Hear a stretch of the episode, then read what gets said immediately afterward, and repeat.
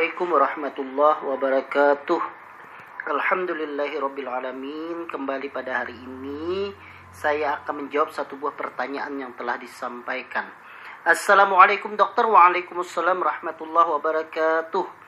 Dalam waktu dekat saya akan menjalankan ibadah umroh ke tanah suci.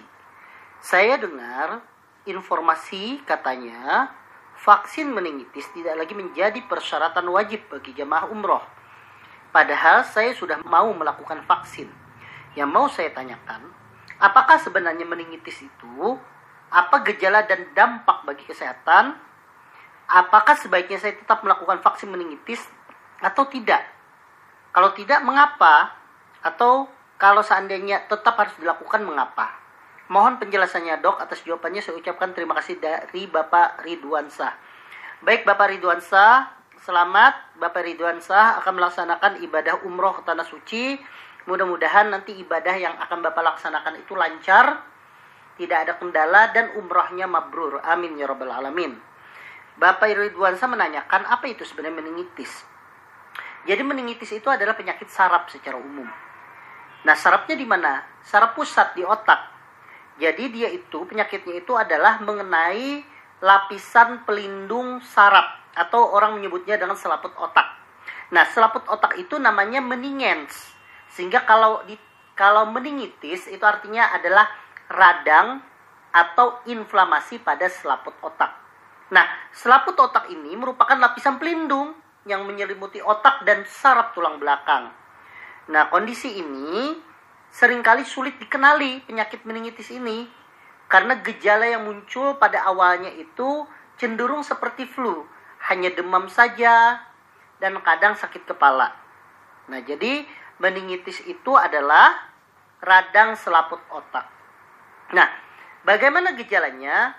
Gejala awal itu, ya itu, gejala awal itu adalah seperti flu, kemudian ada demam, kemudian sakit kepala.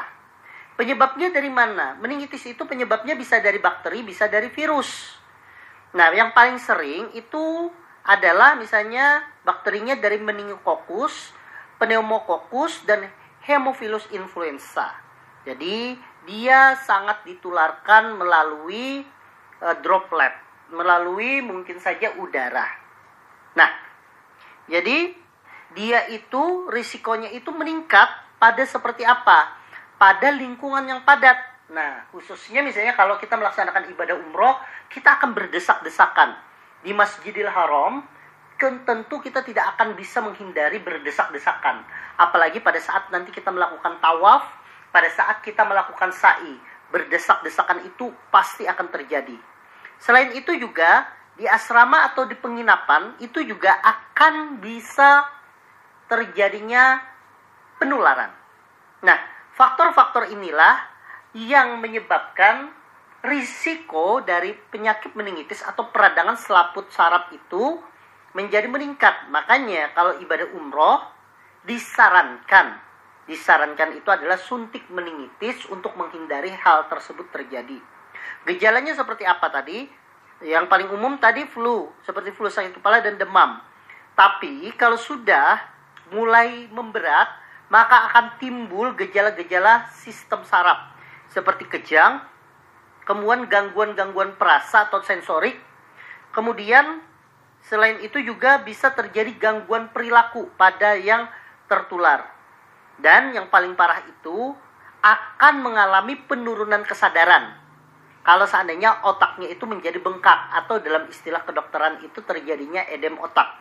Dan bila ini tidak ditangani, bengkak otak tersebut akan menyebabkan herniasi. Nah, herniasi inilah yang menyebabkan kematian pada seseorang. Jadi, dampaknya bagi kesehatan sangat buruk sekali kalau ini tertular. Sehingga sangat-sangat dianjurkan untuk suntik meningitis kepada para calon jemaah baik itu umroh maupun haji yang akan melaksanakan ibadah umroh maupun ibadah haji. Nah, walaupun pemerintah mengatakan bahwa tidak lagi disyaratkan wajib bagi jemaah umroh untuk melaksanakan vaksin meningitis, kalau saya pribadi menyarankan, apalagi Bapak Ridwan saya mengatakan bahwa Bapak sudah siap untuk mau melakukan vaksin, sebaiknya tetap divaksin. Yang pertama, ya tentunya untuk menghindari penularan tersebut. Lebih banyak manfaatnya daripada mudaratnya melakukan vaksin meningitis tersebut. Itu yang pertama. Kemudian yang kedua, untuk menghindari perdebatan nanti di imigrasi. Karena walaupun ada pemberitahuan seperti itu, tetapi ternyata di imigrasi pun tidak semua petugas ternyata memahami peraturan tersebut.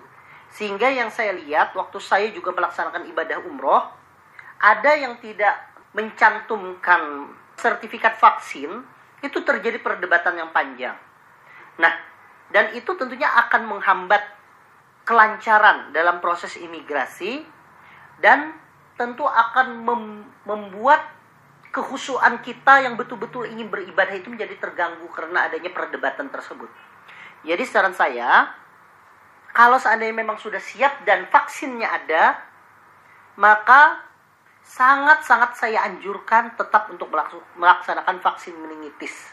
Dan kalau boleh saya menyarankan, selain vaksin meningitis, juga sebaiknya vaksin influenza.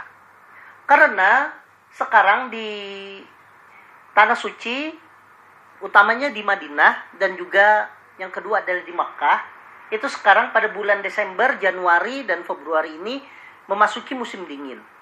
Dan Januari ini eh, lebih dingin lagi dan ini tentunya akan menurunkan daya tahan seseorang rentan nanti terinfeksi, salah satunya adalah influenza.